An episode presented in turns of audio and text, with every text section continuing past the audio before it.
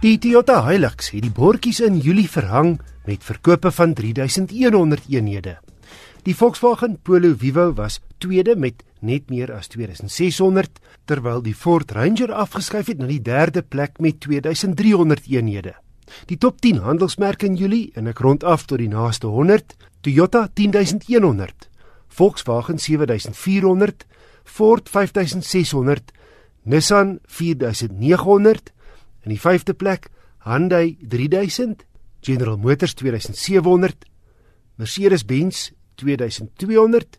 Hy het net een voertuig meer verkoop as Renault, 9de BMW 1600 en Kia 1500.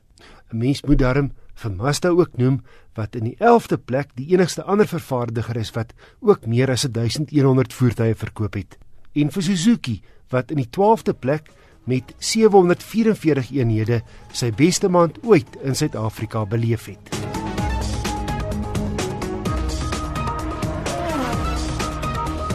Ford se Everest verkope was aanvanklik maar so so want jy het slegs twee luukse topmodelle met die 3.2 turbo diesel gekry ingevoer van Thailand.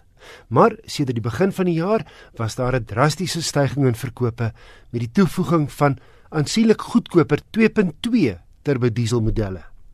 Presies 'n jaar gelede het die Everest maar 98 in Julie verkoop. Verlede maand, 'n jaar later, is 359 verkoop. Al die modelle soos die Ranger bakkie waarop hy geskoei is, word by Ford se aanleg in Silverton, Pretoria vervaardig vir die plaaslike en uitvoermark. So uiteindelik draf die Everest nou met 'n volspan op die veld teen die Fortuner. Ek het die goedkoopste Everest gery, die XLS 6-spoed handrat met agterwielaandrywing. Maar hy's nogal heel omvattend toegerus met onder meer misligte voor en agter togbeheer, Bluetooth, 4 12V kragpunte en jy het ook agterkontroles vir die ligversorging en verwarmer. Sy veiligheidskenmerke is indrukwekkend. Drie sensors saam met 'n driebeeld op die skerm en dis maar klein, maar is maklik om te gebruik en kan met jou stem beheer word. Verder, 6 ligsakke, heuwel wegtrekhulp, stabiliteitsbeheer en sleepwas swaai kontrole.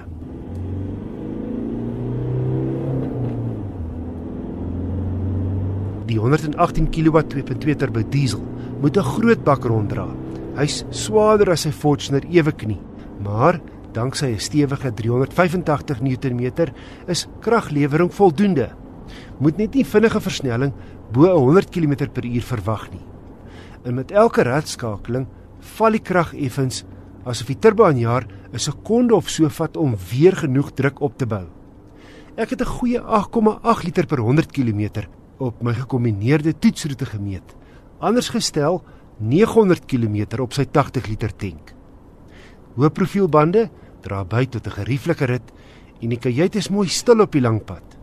Grondvryhoogte is 'n behoorlike 225 mm. Spasie is 'n sterkpunt van die 4,9 meter lange wa. Daar sewe sitplekke waarvan die tweede en derde rye netjies in die vloer kan platslaan. Boonop kan die tweede ry 60-40 vorentoe en agtertoe skuif. Kortom, die Ford Everest XLS bied baie sportnuts vir R459 000. Boonop sluit die prys 'n 5 jaar 100 000 km diensplan in.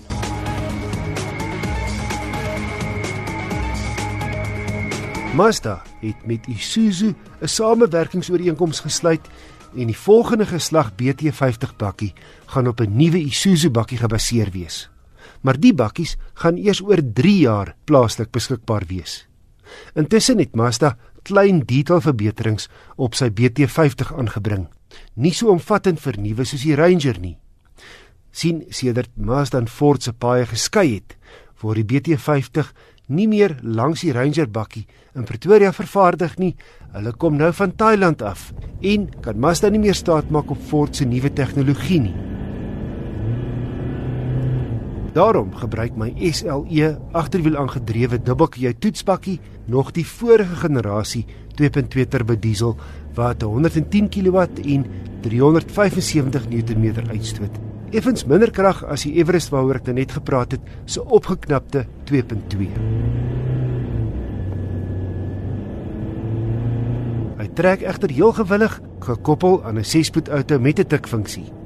In die rit voel vir my gemakliker as met die vorige BT50. Binne is daar feitelik geen verskil van die bakkie wat al 5 jaar gelede op die mark gekom het nie. Dit beteken 'n magtomskakelaars in die paneelbord en net 'n klein sentrale skerm. Maar alles voel solied en Mazda gee teen die prys van onder 'n half miljoen bokke heelwat toerusting, soos leersitplekke waarvan die bestuurders in elektries verstel. Die agterste ewenaar kan sluit, spoedbeheer, outomatiese hoofligte en reënveers, sesligsakke, elektroniese stabiliteitsbeheer, parkeersensors agter en 'n tribeeld in die triespieël. En wat het Mazda aan die voorkoms gedoen mag jy vra? Want kyk, daai reuse ligte voor en agter het nie in almal se smaak geval nie. Wel, dieselfde groot agterligte. Nou darm minder helder in voorkoms. En so ook voorlangs met sterker horisontale lyne en mooi nuwe alloy wiele. Wat in die Mazda BT50 SLE 4x2 outomatiese gunstel is sy prys. Teen R497.700 is hy goedkoper as die res van die veld.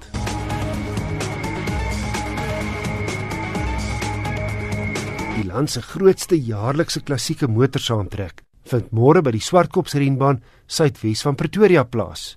2500 klassieke en supermotors word by die Pretoria Ou Motorklub se 38ste motorskou verwag. Die hekke mag reeds om 6uur oop vir die klassieke karre terwyl die publiek vanaf 8uur tot 4uur die skouspel kan bywoon.